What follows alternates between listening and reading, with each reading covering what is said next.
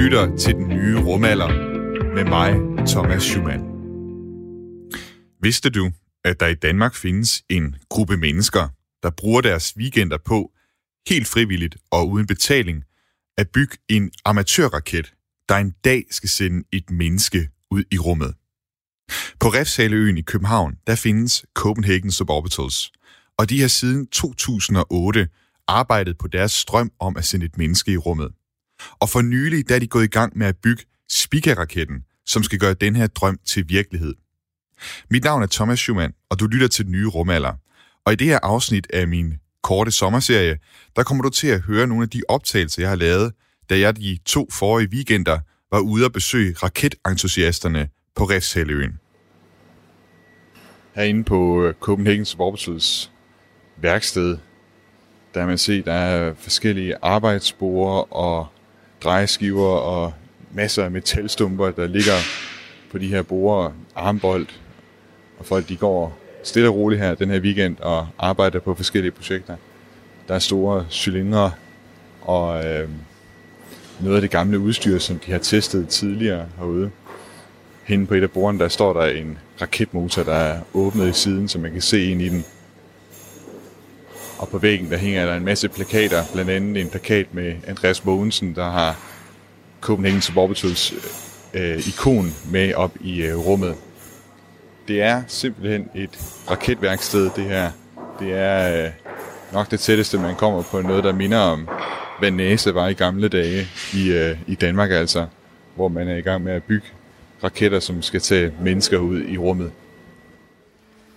Prøv at tage en stålprofil der ud over begge enderne her, og så se om du kunne komme til med en øh, skrutsving, og så klampe den fast. Det kunne være, det kunne rette den op. Så kan jeg tage dem to gange måske. Ja, det er i hvert fald nok til, at du kan finde ud af, hvad effekt bliver der, når du får rettet de to op. Og så kan du måle på dem også. Altså hvis du rigtig, måske går rigtig til yderlighederne. Ham, du kan høre give vejledning her, det er Jakob Larsen. Og det er ham, jeg har aftalt at mødes med for at tale om, hvad det er Copenhagen Suborbitals, de går og laver for tiden. Det kunne også virke. Hvad er det, I laver her? Øhm, vi er ved at svejse, øhm, hvad skal vi kalde det, hele sammenkoblingsstrukturen, der er i hver ende af de her store øh, propellanttanke, der hvor de skal spændes på resten af raketten. Der har vi to store flancher, en i hver ende, og de skal helst være helt lige, og øh, de skal også være flade.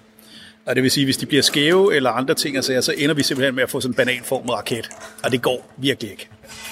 Så øh, vi, vi lægger lige noget, øh, noget kærlighed i at få, få, få gjort det her rigtigt, og få rettet tingene ordentligt op, og holde dem lige og pæne. Og så først derefter svejser vi. Det er ikke, det er ikke bare fordi en raket den ser grim ud, hvis den ligner en banan. Det gør den også, men den flyver tilsvarende dårligt. Vi forlod værkstedet og gik ind i tilstødende skur, hvor vi kunne få lidt mere ro og tale sammen i. Og Jakob, kan du ikke prøve at fortælle, hvad er det, din funktion er i Copenhagen Suborbitals? Jamen, øh, jeg er øh, jeg er næstformand i foreningen, udover at have sådan en masse andre praktiske opgaver. Øh, jeg prøver at koordinere en masse af de forskellige projekter, vi har. Jeg har også en del øh, kontakt med, med eksterne øh, sponsorer og interessante mennesker, som vi, vi interagerer og samarbejder med rundt omkring i verden. Og hvor længe er det, du har været en del af Copenhagen Suborbitals? Jeg kom ind i slutningen af 13, så okay. det at være nogle år efterhånden. Ja, en syv år efterhånden, ja. Ja. Kan, jeg- kan jeg regne mig frem til, sådan lige hurtigt. Men altså, ja, Copenhagen Suborbitals er jo egentlig grundlagt tilbage i, øh, i 2008. Hvor- Hvornår, hvordan hørte du øh, første gang om dem? Hvordan, hvordan kom du ind i det? Og jeg havde, jeg tror, jeg havde læst en lille smule rundt omkring det i medierne på et tidspunkt, så, så jeg vidste godt, der eksisterede noget, der lavede de her, de her raketter i Danmark. Ja. Det var ikke sådan lige noget, der var på min radar på det tidspunkt. Øhm, men så havde jeg to fælles bekendte, som, øh, som faktisk var en del af foreningen. Og så en dag på, øh, på Roskilde Air Show, der var, øh, der var CS nede og udstille. Og så lige pludselig hører jeg sådan en råb over sådan beskråt bagfra, da jeg er dernede, og så øh, står de her to gutter lige pludselig og vinker af mig med en, med en hel masse øh, rumhardware i baggrunden. Ja. Og så, øh, så fik vi jo snakket lidt om det, og jeg fik jo sådan set lidt på tingene og så videre, og så, så blev vi jo sådan set enige om, at, da- at det, det måtte jeg da nok egentlig hellere se at komme i gang med. Hvor, hvorfor? Er det fordi, du øh, også i forvejen var beskæftiget med, med rumfart på nogen måde? Ikke så meget rumfart, men, men aerospace og forskellige okay. andre ting. Altså luft og rum og flyvning og sådan noget har, ja. har altid været rigtig, rigtig interesseret i. Og hvad, hvad er det ved rummet, der, der fascinerer dig? altså hvis vi tager den sådan den helt brede malerkost frem, så er det jo det 8. verdenshav set fra mit synspunkt. Mm. Øhm, det er det største og det sidste af verdenshavene, som vi har absolut mindst besejlet indtil videre. Og ganske sådan i, i, i god øh, natur, som, som mennesker vi er, så er vi jo videnbegærlige og nysgerrige og elsker at udforske, så altså afsted det går. Mm. Ud på det verdenshav også, og så se, hvad vi kan finde af fantastiske ting derude. Der er lidt samme fascination som i Star Trek med Space, The Final Frontier. Det er sådan, du ser det også. Ja, det er måske en lidt kitschet analogi, men, men der er uendelig spændende muligheder derude, og, og hvorfor skulle menneskeheden sådan med en, over en bred kamp ikke, ja. ikke udforske det også? Ja. Der er en del af de mennesker, der arbejder her, altså som kommer herud i deres weekender og er, er frivillige herude. Øh, de har jo et, et, et altså et bankjob eller noget helt andet, de laver, ikke? Altså, hvor det ikke nødvendigvis, man tænker rumfart som det første. Hvad, hvad er din egen baggrund? Du snakker noget med aerospace. Ja, øh, jeg, er, jeg er heldig nok til at være ansat i, i Rosing, øh, så i, i Skovlunde, så jeg er i, i spacebranchen i forvejen. Og, og Rosing, det tror jeg, det er de færreste, der lige tænker space, øh, overhovedet tænker særlig meget, når de hører det, det, det navn. Hvad, hvad er det, I laver i aerospace? Jamen altså, Rosing laver øh, primært satellittestudstyr og sådan, altså, hvad hedder det, når du skal have en satellit i luften, så bliver den testet på kryds og tværs til døde, fordi du kan aldrig komme til den med en skruenøgle, hvis der går et eller andet galt, når den er sendt op. Og det vil sige, at du skal bruge en hel del testgrej, øh, også avanceret og højkvalitetstestgrej, og så tester du simpelthen de her satellitter over måneder. Øh, alle funktioner bliver testet på dem flere gange. Du tester fejlscenarier, du tester alt muligt forskelligt, sådan så at du har en, en rigtig god grad af konfidens for, hvis du først sender den her op, så virker det altså også, når den er deroppe. Okay, så du er faktisk en af dem, som... Jeg ved ikke, hvor meget, hvor meget af det kan du bruge i Copenhagen Orbitals? Jamen, der er der både brancheindsigt, og så... Øh, men altså, mest af det alt, der er jo passionen. Altså, det, øh, jeg er heldig nok til at lave, øh, lave rumfartsrelateret grej, både i mit arbejde og mit fritid. det, må være, det må være drømmen, du lever. Jamen, det, det er ret hyggeligt. Det, ja. det, der har jeg været heldig. Power and telemetry nominal. Det helt store projekt lige nu hos Copenhagen Suborbitals, det er som sagt at bygge Spica-raketten. Og Jakob og jeg, vi gik ud i værkstedet igen for at kigge nærmere på de dele af raketten, som de lige nu er ved at bygge på. Øhm, det kan være, at du lige vil prøve, for det, det er jo ikke alle, der sådan, øh, kender til Spica-raketten, og hvad hele ideen med Spica, det, øh, det er, og sådan også jeres strøm. Det er meget godt at have en fra Copenhagen Suborbitals prøve at forklare, hvad, hvad det er, det går ud på. Hvad, hvad er det, Spica og, og jeres mål er? Jamen, Spica er kulminationen på seks øh, raketter og andre projekter, der har fløjet i årene op til. Øh, så, så man kan på sin vis sige, uden at det bliver melodramatisk, at, at Spica er den sidste store raket, vi har brug for for at nå vores mål. Og Spica-raketten bliver, øh, altså det bliver uden tvivl verdens største amatørraket nogensinde. Øh, den bliver en meter i diameter, og så bliver, vi gætter på den, det, det afhænger lidt af teknologien stadigvæk, men det bliver mellem 12 og 16 meter lang. Og så kommer den til at veje sådan lige i nærheden af 4 tons fuldt tanket. Så altså, det er en stor raket, vi snakker om. Men, men udover raketten, så er der måske noget, der er endnu vigtigere end det, noget, det, der skal sidde i spidsen af raketten, ikke? Jo, det var lige der, jeg vil hen, nemlig fordi det, øh, selve raketten er sådan set bare midlet til et andet mål. Og det er, at øh, den her store speaker-raket er designet til at kunne tage 350 kilo nyttelast ude i spidsen. Og den nyttelast bliver ultimativt en lille rumkapsel.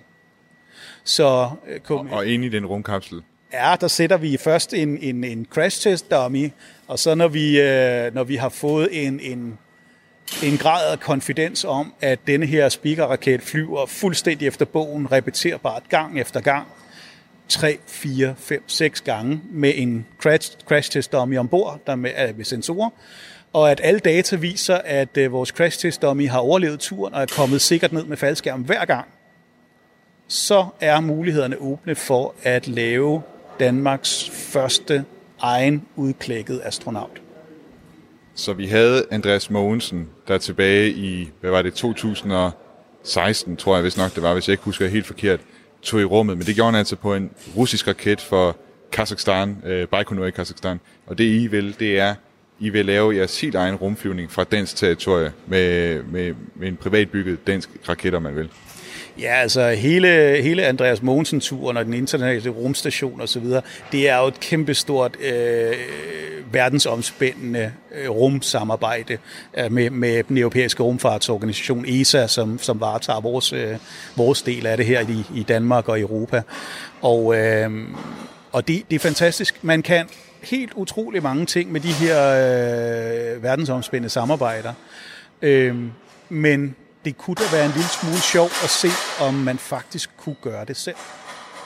Øhm, det bliver så, altså det bliver en rumflyvning, det der er planlagt med, med, med Spica, men det bliver væsentligt anderledes end det, som Andreas Mogensen han har oplevet, fordi det, det, det ligger jo i jeres navn, Copenhagen Suborbitals, at øh, det bliver ikke en, en, en, en, og det skal man jo så også lige være, øh, vide lidt om, om området på, men altså en suborbit, det er ikke et kredsløb i rummet, hvor man kommer til at kredse om, ligesom Andreas Mogensen. Øh, kan du prøve at fortælle, hvad, hvad er det for en slags rumrejse, den her astronaut, som, som I vil sende i rummet, kommer på? Ja, altså hvis, øh, hvis vi tager denne her orbit-sag, øh, altså et kredsløb, så betyder det, at, øh, at man simpelthen bevæger sig hurtigt nok rundt om jorden til, at den faldhastighed, man har, betyder, at man bliver hængende i den samme øh, højde over jorden. Altså, man falder kontinuert hele tiden, men med den fart, man har på, så betyder det, at man laver sådan et cirkulært øh, fald rundt om kloden, som bare bliver ved og ved og ved. Og men hvis man laver noget, der er suborbitalt, så kan du sende noget op, men du er, altså det kommer med statsgaranti ned igen. Og det øh, er enten efter kortere eller, eller, eller længere øh, tid.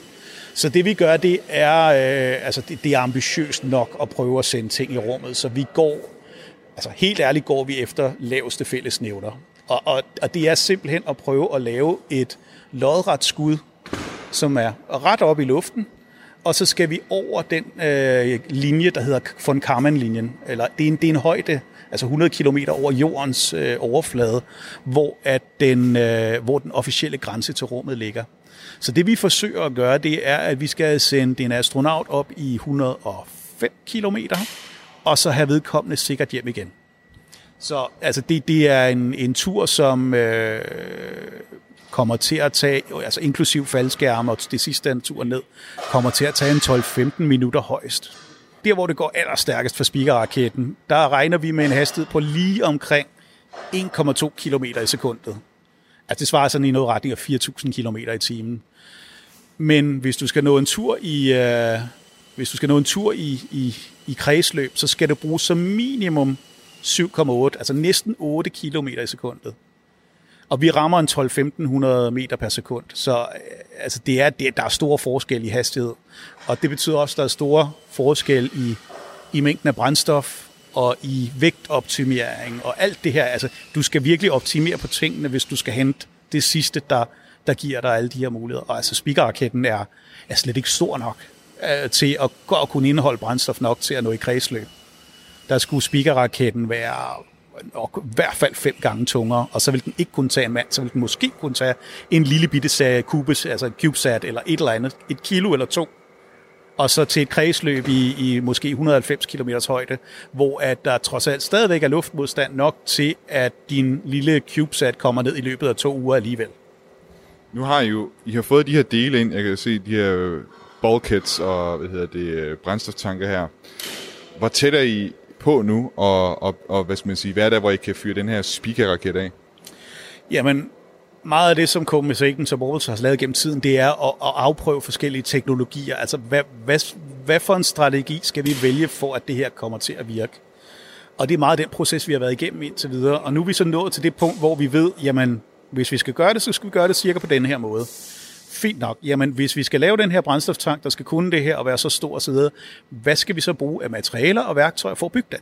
Og det har vi så brugt jo siden, uh, siden den succesfulde flyvning vi, med, med en XC2 i 2018, hvor at, at det viste sig, at yes, nu havde vi styr nok på det til, at vi kunne lave en hel øh, øh altså cyklus, en helt flyvningscyklus, hvor at, at det at sende raketter op, det er forholdsvis nemt, men at få dem blidt ned i faldskærm og lande dem pænt, det er altså rigtig, rigtig svært. Og ja, man kan jo i princippet sige, at første gang, at det gik fuldstændig efter bogen, det var i 2018 med en XC2.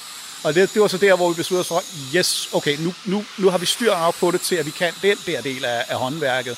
Fint, så er det ved, tiden ved at være moden til at bygge den store raket. Det, vi har noget her på en, øh, sådan en Europal her, øhm, som jeg, med det jeg kan se, tænker, det, det ligner brændstof, altså toppen af en brændstoftank, altså sådan øh, kublen på, på en brændstoftank. Er det, er det nogenlunde rigtigt? Ja, det er det, du kalder en endebund. Og du har ret, der skal en endebund på hver ende af et, øh, et, et rundt cylindrisk stykke, stykke stål, og så når du får svejset det sammen, så har du en tank. Og jeg har faktisk en liggende lige her på bordet ved siden af, som er nemmere at kigge på. Okay. Så det er sådan en stor, øh, ja, jeg vil næsten kalde det en halvkugleformet øh, endebund. Øh, fordi du kan ikke bruge en flad plade til at, at, at ende de her tanke med, så, øh, så vil den nemlig bule ud og få den her form her, men så vil den være, den vil være meget hårdt presset sådan rent øh, fysisk, og det vil sige, så risikerer du, at, at, at tanken simpelthen går i stykker. Og, grund, og grunden til det er, det er fordi tanken er under tryk, ikke? Altså, da du, man, man pumper brændstof ind i den, øh, eller er det, er det, øh, er det iltet, man putter ind i? Jeg ved faktisk ikke, hvad det er, der gør, at der skaber tryk der. Nej, altså vi, vi bruger det princip i vores raketter, som man, øh, man kalder for et, et DPR-system. Dynamic Pressure Blowdown. Eller Dynamic Pressure Regulation System. Og det du egentlig gør, at der er to måder, du kan få brændstoffet tvunget ind i din motor. Altså, øh, eller lad os kalde dem for propellanterne, fordi der er et brændstof, og så er der iltningsmiddel. Øh, og for det meste, så kan vi øh, næsten behandle dem under et, fordi de er to flydesystemer, som virker nogenlunde på samme måde. Men de skal blandes ned i motoren, og først dernede, og så får vi al den kraft, vi skal bruge. Men du er nødt til at tvinge brændstoffet ned i motoren, og det kan du enten gøre ved at bruge en pumpe. Det er sådan en, man kalder det for en turbopumpe. Det er også noget, som øh, Elon Musk øh, bruger på sine øh, motorer, øh, som er et, et meget elegant, lækkert stykke ingeniørgrej. Altså det er, det er præcisionsgrej, det er højhastigheds, der er enorme kræfter og temperaturer involveret.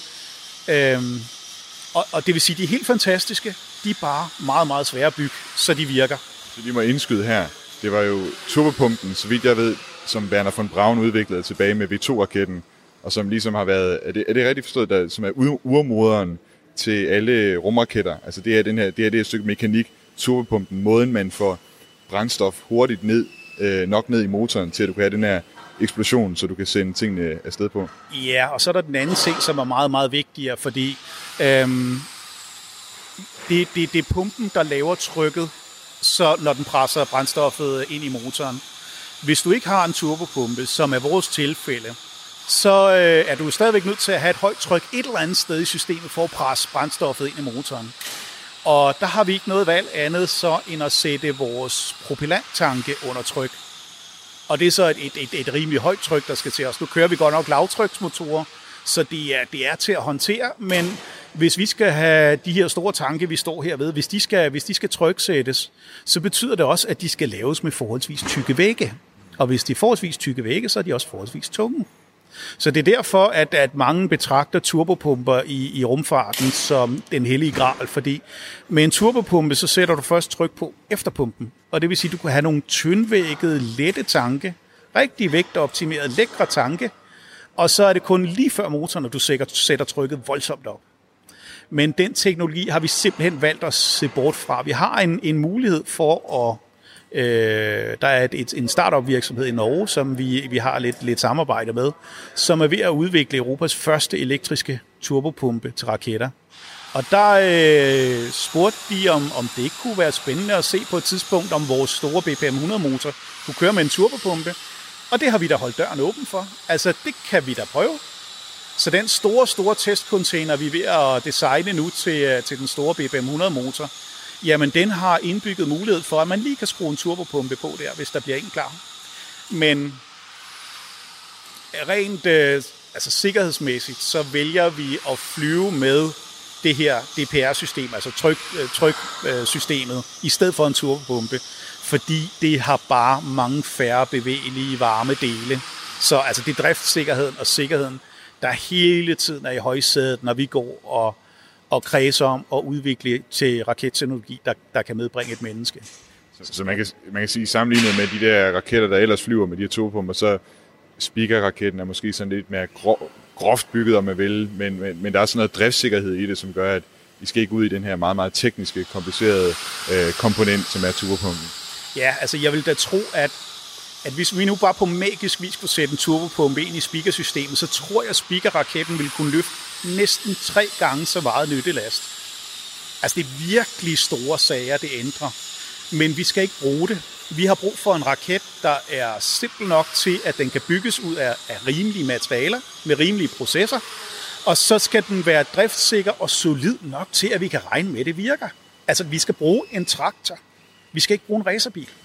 Men selvom Jakob Larsen han beskriver speakerraketten som en traktor og ikke en racerbil, så er det ikke afholdt Copenhagen Suborbitals fra at lave et meget unikt design til den rumkapsel, som deres astronaut skal sidde i. Hvis du, hvis du placerer en, en, uh, en lille astronaut uh, på, en, altså sådan et, på et svagt tilbagelænet sæde, og du så sørger for at, øh, at løfte fødderne op, så at sige, så, så den astronaut nærmest har øh, knæene omkring ørerne, så indtager du det, der som sidder sådan en, en, cannon, en cannonball-positur. Og eftersom at man bliver udsat for nogle G-kræfter, så er, det, så er det ret interessant, hvordan astronauten vender, når de her øh, gravitationskræfter rammer astronauten. Den klart bedste måde at, at komme øh, og, og ud og, og for mennesker at tåle store øh, accelerationer eller decelerationer, det er, at du ligger ned. Altså det vil sige, du, du er maksimum 30 cm høj fra bunden af ryggen til toppen af brystkassen. Og det vil sige, der kan du ikke rigtig, blodet kan ikke rigtig løbe ret mange vegne der. Den absolut værste situation, det er, at du står op, og alt blodet løber enten til, til ned i fødderne eller op i hovedet, alt efter hvordan du vender. Det er en meget, meget uheldig position at opleve store G-kræfter i. Så en mellemting, hvor at du, øh, at du bliver i hvert fald halv højt af, hvad du plejer, plus lænet en lille smule bagover, så kan blodet sådan fordele sig mellem bagdelen og fødderne, men det løber trods alt ikke særlig langt væk fra hverken hjertet eller hjernen. Så når vi ser for eksempel uh, Crew Dragon-kapslen eller Apollo-kapslen, det, det, der ligger de simpelthen ned, for ligesom, eller Soyuz-kapslen for den sags skyld, der ligger de ned for ligesom at få fordelt det ud. Men jeres ting vil være en mellemting, om man vil, ikke? Altså, hvor man har knæene lidt op og hovedet lidt mere op, end man ellers ville. Vil, vil, uh, nu er jeg 91 uh, høj. Uh, vil jeg kunne være i jeres, uh, i jeres kapsel? Nej, det tror jeg ikke. Jo. Uh, en af de bedst egnede kandidater i øjeblikket er en meter og 55, hvis jeg husker rigtigt. Er, er I ude at hente teenager eller, eller børn til, til det her? Nej, nej, det skam en, en voksen uh, studerende, uh, men hun vejer ikke ret meget.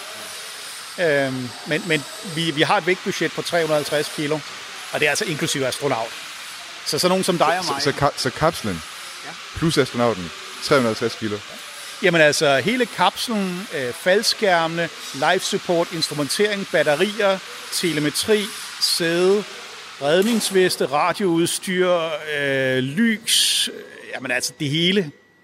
Alt det plus astronaut, 350 kilo. Det går nok ikke meget. Det... Den er også svær. Ja, det tror jeg gerne på. Liftoff. Go Falcon, go GPS.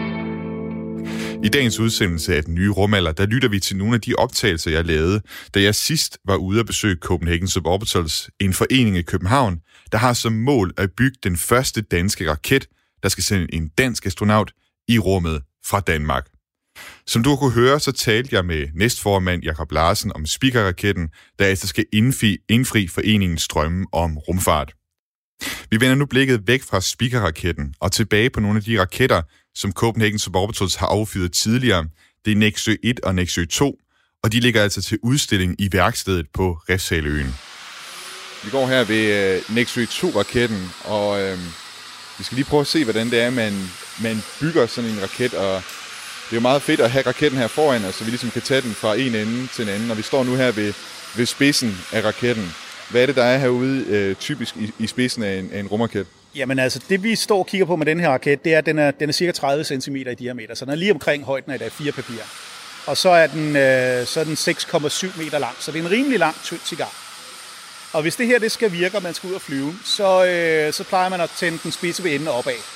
Og det er her, hvor vi står ved næskejlen. Øh, den skal helst være rund, den skal have en pæn aerodynamisk form, og så gør det ikke noget, den er let. Hvis man nu tog og, sammenlignede den her raket med, lad os sige, en Falcon 9 eller en Soyuz-raket, ikke? så man også sige, der er også noget i spidsen der, der vil være, man kan sige, der vil være, der i stedet for næsekant, det er det typisk der, hvor det er, astronauterne vil sidde i kapslen, eller der vil være en satellit under den her øh, kappe, øh, beskyttende kappe, som ligesom tager det med op. Så det er ligesom op i spidsen af raketten er alt det, det vigtige, det er. Ikke? Det er der, hvor din nyttelast normalt er. Og i det her tilfælde, så var vores nyttelast utrolig beskeden. Det er en lille bitte faldskærm til næskejlen selv. Og så har vi hernede under, går jeg ud fra, det er så propellanttankene, ikke? Hvad, sta- hvad starter vi med for en tank her? Jamen, øh, vi kigger på, øh, på tanken til flydende ilt, som er den øverste af de to tanke. Og det er en, en aluminiumstank, øh, som, øh, som har hvad er det, omkring 66 liter, der kan være i den. Og på Nexo 2, så i stedet for at fylde dem til 60%, de her tanke, så fyldte vi dem til 90. Så der var kun sådan en lille gasboble på toppen til at starte med. Og det var så den gasboble, vi efterfyldte. Og, Og hvis jeg, hvis jeg lige husker mine øh, øh, fysiktimer rigtigt, altså ilt normalt, er det jo ikke, øh, det er jo i atmosfæren, det er en gasart, ikke? Så når I skal have det ind i sådan en tank her, det skal være flydende, så går jeg ud fra, at den, den her tank, den kommer til at være lidt kold, så man ikke rigtig kan have hånden på den, sådan som vi har nu. Ja, men det var en, det var en dejlig fornemmelse at stå på, øh, på, på dækket af vores affyringsplatform i 2018, fordi lige på et tidspunkt, der slog sådan et, et svagt vindpust på en voldsom varm dag. Der slog et vindpust lige sådan iskrystaller af, af, af tanken her, og så stod man i sådan et, et let snevejr der i, i, i brændende sol ude på midten af Østersøen. Det var en dejlig fornemmelse. Og, og for dem, som ikke lige... Fordi det er jo kun den ene del af det, og, og man kan sige, normalt så taler man... Nu nu taler vi om det som propellanter, ikke? Men altså, normalt så taler man egentlig om det, som der er nede i den anden tank, som det egentlige brændstof, kan man sige. Øh, og det her, det er så øh, brændemidlet, eller oxideringen, altså Oxidation. oxidationen. Hvorfor er det, det er vigtigt at have, have ilt med? Det er, nær, det er noget, nærmest alle raketter har, de har ilt med, når det er, de skal øh, sende noget op i rummet. Ja, men vi kan jo tage en, en skarp kontrast, som er for eksempel jetmotorer til flyvemaskiner. Men sagen er med de jetmotorer, de har kun brændstof med, fordi de tager ilten ud af atmosfæren. Men de kommer bare aldrig højt nok op til, at luften bliver så tynd, så der ikke er noget ilt tilbage. Altså det betyder også for eksempel, at at i princippet så kunne vi starte denne her Nexø 2, den kunne vi starte under vand, eller vi kunne starte den i det ydre rum, fordi vi har sæt ilten med. Og det er man simpelthen, det gør man, det, der er ikke andre måder på raketter, end at have dit iltningsmiddel med. Så den egentlige brændstoftank, den ligger hernede under, og den er faktisk samme størrelse som, øh, som LOX-tanken, så den er omkring halvanden meter lang, og også de her 30 cm i diameter.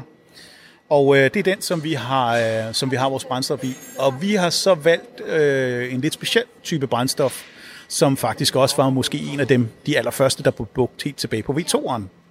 Må jeg prøve at gætte så, hvad det er, I bruger som brændstof? Det er, det er noget, som man måske godt kan drikke.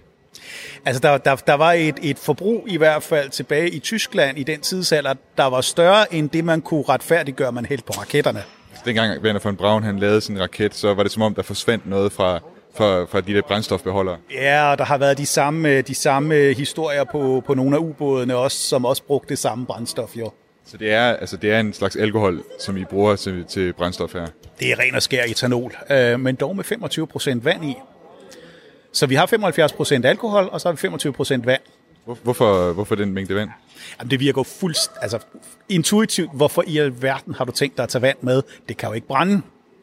Men vand kan noget helt andet, og vand er ufatteligt godt til at opsuge varme.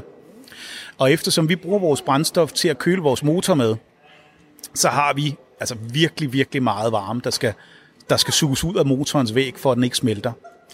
Og hvis vi nu tager 25% vand med, så er det rigtigt, at vores motor kører en lille smule dårligere. Men på grund af noget fysik, som er, at vanddamp er et utroligt let molekyle, så, øh, så betyder det, at vores udsødningshastighed er næsten den samme, selvom vi har vand med. Så vi mister omkring 7% i ydelse på, at vi faktisk har 25% vand med. Plus vi får en meget bedre køling. Så det er ikke nogen, det er ikke nogen skidt idé. Og så er der jo så lige den helt anden ting, at eftersom at vi jo faktisk sender op ude fra, fra havet, så i modsætning til for eksempel øh, jetbrændstof eller nogle af de andre forskellige ting og sager, så er alkohol jo opløseligt i vand. Så rent sikkerhedsmæssige og miljømæssige årsager, hvis vi nu har en eller anden stor, et stort spil af brændstof ude på, på, på havet derude, jamen så bliver fiskene måske lidt mærkelige lige i nærheden, men, men ellers så er både brandfaren væk og miljøfaren er væk. Det er lidt sådan i skærende kontrast til en 3 km stor regnbuefarvet olieplamage, der vil kunne ses fra TV2-helikopteren. Skal I så ligesom uh, Werner von Braun holde lidt øje med brændstoftankene, så der ikke uh, forsvinder noget sådan, i løbet af ugen?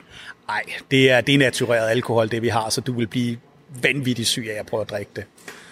Så nej, det, kan, det er overhovedet ikke drikkbart, det her. Lad os prøve at gå ned til, hvis man sige, forretningsend eller the business end øh, af raketten, altså hvor det, hvor det jo hele ligesom, det hele afhænger jo rigtig meget af det, der sker hernede, ikke? Jo, nu står vi med, med motorsektionen hernede, øh, og den er sådan en, en meter og 20 lang cirka. Og den er næsten delt op i to ting, som er cirka lige lange. Øhm, den ene del er, at vi har øh, hvad hedder det, ventilerne, der sidder på rørene, de sidder nede i den her ende, vores hovedventiler. Fordi vi skal jo, altså vi skal jo åbne for brændstoffet til motoren rimelig kontrolleret og rimelig præcist. Og der fylder de her hovedventiler, de fylder altså bare en hel del. Ikke så meget ventilen egentlig, den er ikke særlig stor. Men hele servomotorsystemet og gearne og alt det, der sidder på for at dreje den der ventil korrekt, det fylder temmelig meget. Så er der, øh, hvad hedder det, selve engine controlleren, altså computeren, der sidder nede i motoren og styrer øh, slagets gang på, på selve motoren. Den sidder hernede i den her ende. Og den, øh, den tager sensordata både op fra tankene, og den tager det helt op fra, øh, fra avionics-sektionen også. Og så sidder der nemlig vores, øh, vores lille BPM, BPM5-motor hernede i bunden. Og det er sådan en, et klassisk design. Den er sådan cirka 60 cm høj, og så er den, ja, det meste af den er omkring 100 mm i diameter, og så hele enden op omkring injektoren er en lille smule større. Men... Ja, den, den er ikke vanvittigt stor, den er jo jeg, jeg har lyst til at sige, at den er cirka lige så tyk som en uh, champagneflaske, og så er den måske lige så lang som halvanden champagneflaske. Ej, det, er en god magnumflaske, du har fat i. Så. Ja. Øhm, men jo, den her lille dims, du står med her, jeg tror, den vejer omkring 14 kilo. Jeg synes, vi, vi vejede den til sidste gang. Øh, når du hælder øh, propellanterne ind i den her og sætter ild til det, så har den en trykkraft på et halvt ton. Så den vejer 14 kilo, siger du, den her? Og den kan skubbe noget med, med altså der vejer et ton? Jamen altså, den kan tage to af dem her, så vil du kunne som regel få en almindelig øh, personbil til at stå stille i luften. Liftoff. Go Falcon, go GPS. Vi går endnu en gang ind i skuret og væk fra larmen fra værkstedet, for at høre Jakob Larsen fortælle om, hvordan det var, da han og de andre fra Copenhagen Suborbitals sendte Nexø 2-raketten afsted for to år siden. Kan du prøve for dem, som, som ikke har prøvet at være med ud til sådan en opsendelse, og beskrive, hvordan, hvordan er det at være derude på Østersøen, hvor der er I fyrer raketterne af? Oh, det er spændende, og det, det, det er et godt spørgsmål, og forklaringen bliver lang, men, mm. men der er mange rigtig fantastiske ting ved det. Øhm, jeg har også været heldig nok til nu to gange i træk at få lov at være det, der hedder pad Mm-hmm. Og det vil sige, at vi har selvfølgelig en struktur, hvor vi har en flight director i toppen. Øh, han sidder på vores mission control skib, og så pad han er over på affyringsplatform. Det er begge to skib, det her. Øh, og der er, der er Pat, så han er, han er ligesom de forlængede øjne og ører for, for flight. Og det vil sige en masse klargøring af raketten og tjek og så videre, der foregår over på platformen. Det har så været heldig nok til at, at stå for. Øhm, og det betyder også, at jeg er, jeg er faktisk den sidste, der går for bord. Okay. Når det hele det er tanket, og det hele står syder og bobler og er klar, så er jeg den sidste, der hopper over bord ned i en gummibåd. Og så øh, ruller jeg sådan en 10 meter lang line ud, øh, fordi der sidder en elektronikboks på ydersiden af vores øh, launchplatform. Og det er den aller, aller, aller sidste sikring til tændingssystemet. Mm. Så øh, lige så stille, når den der gummibåd bakker væk, så øh, lige når der er gået 10 meter, så ryger det sidste stik ud af, øh, af, af, af den øh, platformboks der, og så stikker den der gummibåd ellers bare af, fordi så er opsendelsen lige om hjørnet. Så du står ude på den her, det er Sputnik, den hedder øh, platformen, I ja. sender op fra. Du står derude, mens det er, den tanker op, og I er nogle stykker derude går ud fra, som lige tjekker det sidste, og du, ja. så den sidste.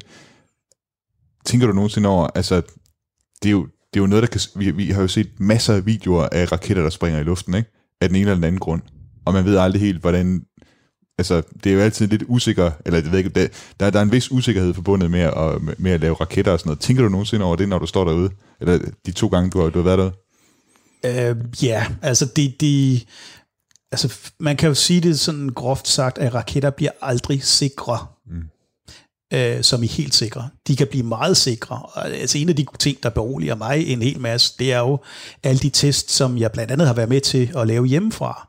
Fordi når den raket først står derude, så er det jo resultatet af, af års arbejde. Øh, og det vil sige, at tingene er jo blevet ligesom i alle, alle andre grene af rumbranchen, så det er jo altså også blevet testet i på kryds og tværs det her. Og det vil sige chancen for, at der lige pludselig er to separate fejl, som gør, at øh, for eksempel brændstoffen og oxidationsmidlet kan mødes et eller andet sted i den raket, og oven i købet, øh, en af de få gange det sker, At det så lige skulle være den dag, at man var så uheldig, at det begyndte, at det besluttede sig for at sælge. Mm-hmm. Altså den chance, den er, at den er ved at være så lav, sådan så at jeg måske Øh, k- altså, hvis jeg ikke får kigget mig ordentligt over, når jeg går over gaden, min fodgængerovergang, så er det måske sådan nede på det lav der. Okay. Du, du er så den sidste, der går for bord der på Sputnik, og du ja. Trækker linen der. I sejler, hvor langt sejler I væk fra den? Ja, vi skal helt ud på 600 meter med de små både, og så Okay. de store både ligger endnu længere ude. Okay. Men det tager ikke ret lang tid, en hurtig speedbåd. Nej. Og så, øh, hvad sker der så? Jamen, så er vi jo alle sammen med på radionettet, så lige pludselig, når vi har meldt, at vi er i sikkerhed, øh, så øh, går vores flight director, han går direkte i gang med, med nedtællingen. Og så hører du en øh, typisk sådan en øh, 30 second countdown, øh, auto ignition sequence initiated. Og derfra så overtager øh, computerne ombord på raketten, de overtager hele, øh, hele showet. Og så til sidst, så, altså, der bliver, så der, det, det, bliver, det bliver lidt, lidt sært, fordi derfra, så begynder tiden bare at gå langsommere. Mm-hmm. Fordi fra de der 30 sekunder og ned til de 10, der går lang tid. Mm-hmm. Lige pludselig så kan du så høre det skrætter i radioen, så kommer jeg ind over, og så begynder jeg altså at tælle ned, 10, 9, 8. Og så er der en, når han når til 0, så starter vores øh, igniter ind i motoren. Og så går der lige sådan et sekund, halvandet, før at, øh, at der går ild i det, og den får fat, og, sådan, og og kommer i gang og begynder at starte op.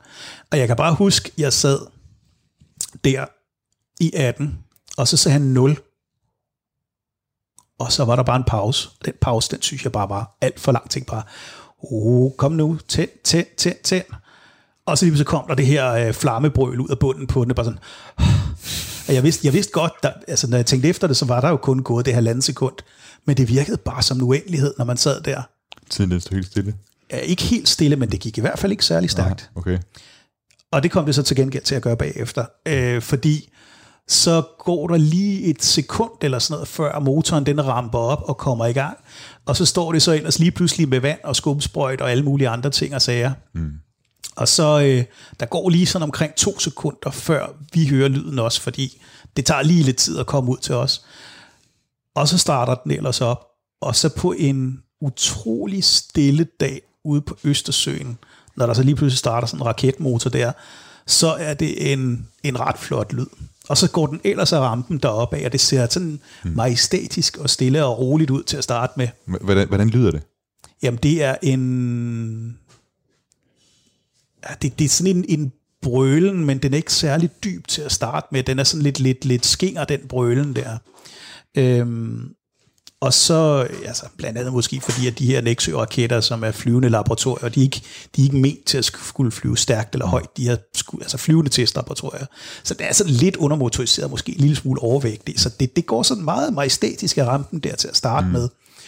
Og så sidder man ellers der og begynder at kigge mere og mere bagover. Så når den kommer sådan et, et stykke op over horisonten, så skifter lyden karakter.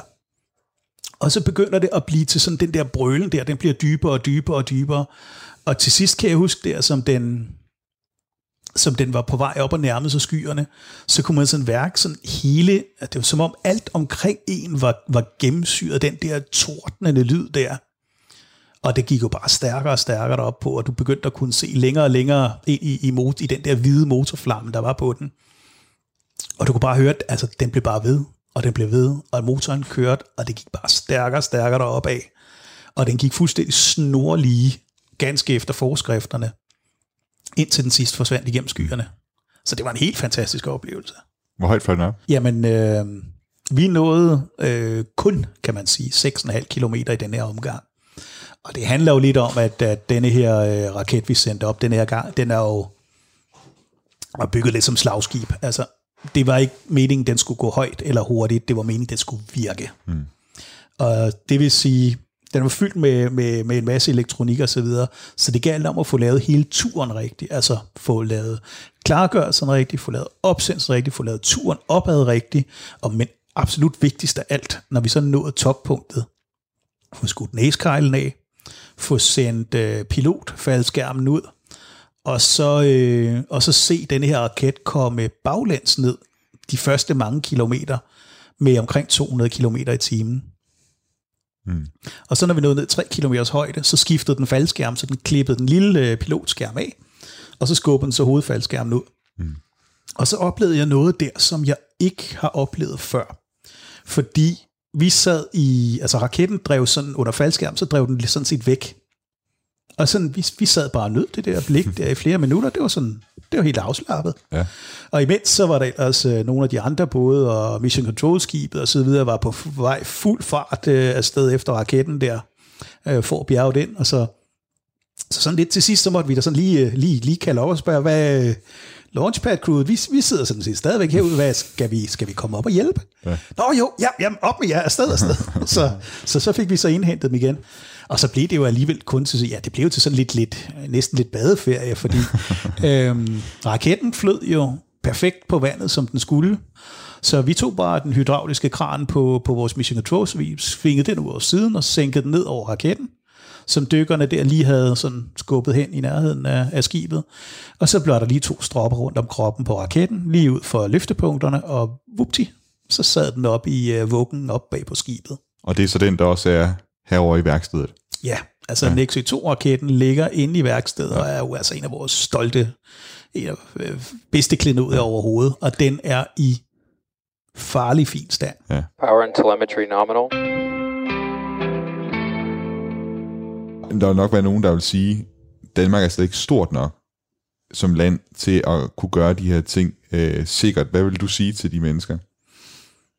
Jamen altså, hvis du kigger på, på, på, hvad skal vi sige, det tørre Danmark, der hvor du har jord under fødderne, så vil jeg sådan set være enig, altså med undtagelse af nogle ganske bestemte militærterrænger, øh, hvor du har mulighed for at flyve inde på et stort område eller ud over havet, så hvor du kan flyve små raketter, øhm, så er Danmark sådan set uegnet til, til raketopsendelser. Øh, Til gengæld er vi så utrolig heldige, at vi har et øh, enormt stort maritimt øvelsesområde ude øst for Bornholm. Det er faktisk et etableret øh, øvelsesområde, så vidt jeg forstår, hele vejen tilbage fra den kolde krigstid.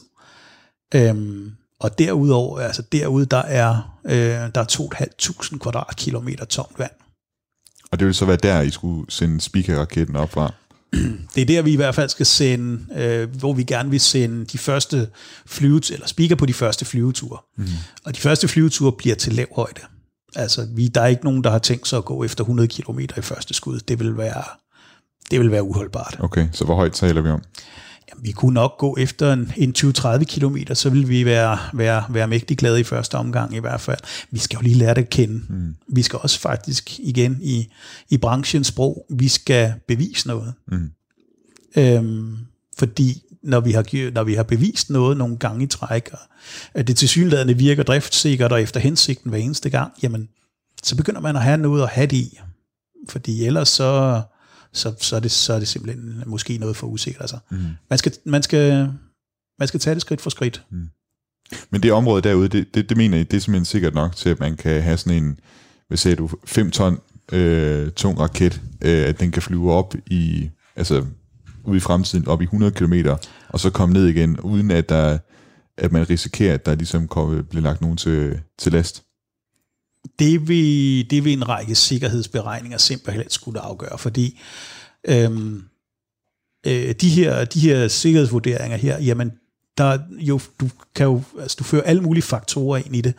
Altså blandt andet så, som et, et øh, lad os tage et eksempel for eksempel. Vi bruger en aktiv styresystem, som sørger for, at vores raket flyver lodret. Altså vi sender jo op ud på vandet, og det gør jo unægteligt, at, at, at affyringsplatformen, den vipper en lille smule. Så raketten kommer aldrig helt lodret af rampen. Til gengæld, så flyver den så lodret bagefter. Det kan den selv finde ud af. Men så kan du så kigge på, jamen, hvad er chancen for, at det her sikkert det svigte? Og den chance er, er selvfølgelig, man kunne starte med at sige, at den var måske 1%.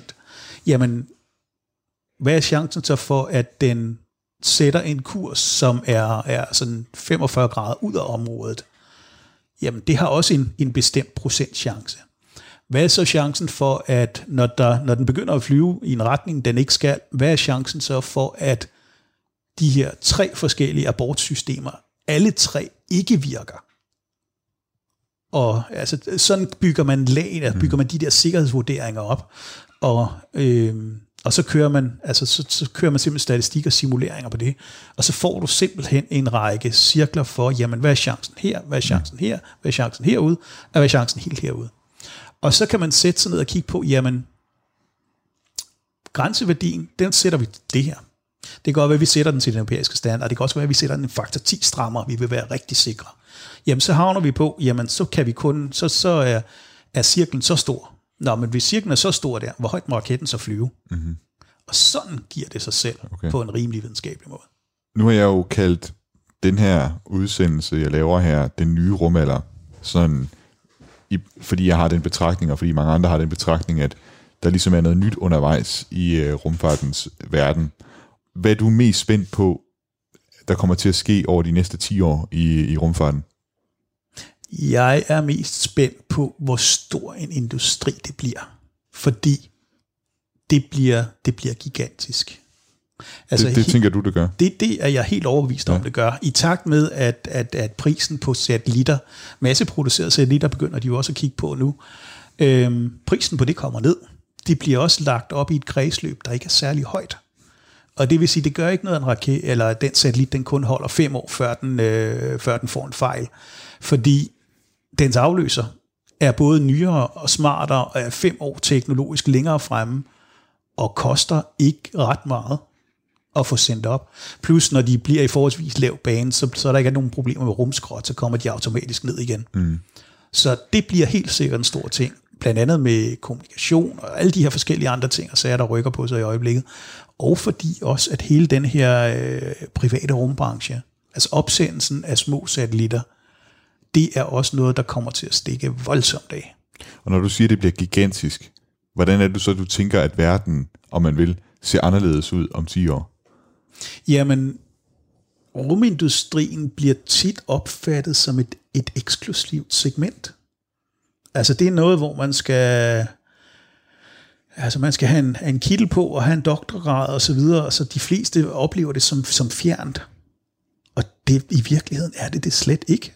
Og det er jo også en af de missioner, øh, Copenhagen Suborbitals har, at, at prøve at godt gøre, jamen, altså så svært er raketvidenskab altså heller ikke. Okay. Det er bare, det er bare raketvidenskab. Jamen, I stedet for- Jamen, jamen altså, bare, må gerne bruge ordet bare. Ja. Ja, ja der, er nogle, der er nogle ting, man skal være lidt mere opmærksom på. Der er noget, man skal være lidt mere grundig med, og så videre. Men det er jo vanvittigt spændende også. Mm. Og den, altså den industri, der ligger i den rumbranche, den kommer til, altså den private rumbranche kommer hurtigt til at overhale den etablerede, hvad skal vi kalde det, EU, NASA og på anden vis sådan statsstøttede rumfart. Den, Og når du siger overhale, hvad tænker du så? Er det i, i forhold til volumen af penge og sådan noget, der også bliver... det, ja. Altså der, der vil være alle de her, øh, hvad skal vi kalde det, alle de her science missions, altså grundforskning og deep space og alt det her. Der kommer de her øh, store foretagender, som vi kender, de etablerede foretagender, de kommer til at spille en, en nøglerolle, fordi de vil stadigvæk være på forskningsfront. Men den rent kommercielle ting, at den kommercielle del af, hvad der kommer til at foregå, den vil i meget stor grad være overladt rent til private foretagender. Og det vil sige, at der bliver ufatteligt mange penge i det her på sigt. Mm. Så spørgsmålet er, jamen, skulle vi prøve at se, hvor meget af det, vi kunne rave til Danmark? Som det sidste spørgsmål, Jakob, så ved jeg ikke, om du tør at lægge hovedet på bloggen og, og svare på, om, om 10 år har I så sat, sendt et menneske i rummet? Har I så sendt den første, astro, første af jeres astronauter i rummet? Det tør jeg overhovedet ikke lægge hovedet på blokken for. Det her det er rumbranchen. Er Hvis du ved noget om rumbranchen, så er den umiddelbart er præget af forsinkelser og budgetoverskridelser. lige præcis. Øhm, nej, men det jeg til gengæld kan love, det er, at vi lægger os i selen for at prøve at få det til at ske. Okay. Det her det er også, altså det er lige så meget en rejse for os, og en rejse, som vi prøver at delagtiggøre alle mennesker i os. Øhm, og fordi det er et forunderligt univers at være inde i. Øhm, og, og, og hele den her fascination af rummet. Altså, selv hvis vi ikke skulle lykkes, altså der er mange faktorer, der kan gøre, at vi ikke lykkes med det. Men om ikke andet, så har vi for det første prøvet, og for det andet, så har vi prøvet at, at bringe så mange med på den rejse, vi, vi er med på i, i løbet af det her alligevel. Så det er ikke spildt. Ligegyldigt hvad.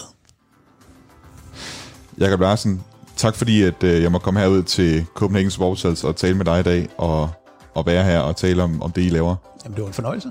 Mange tak. Og øh, tak til dig derude, der har lyttet med til det nye rumalder, som, som altid er lavet af mig, Thomas Schumann.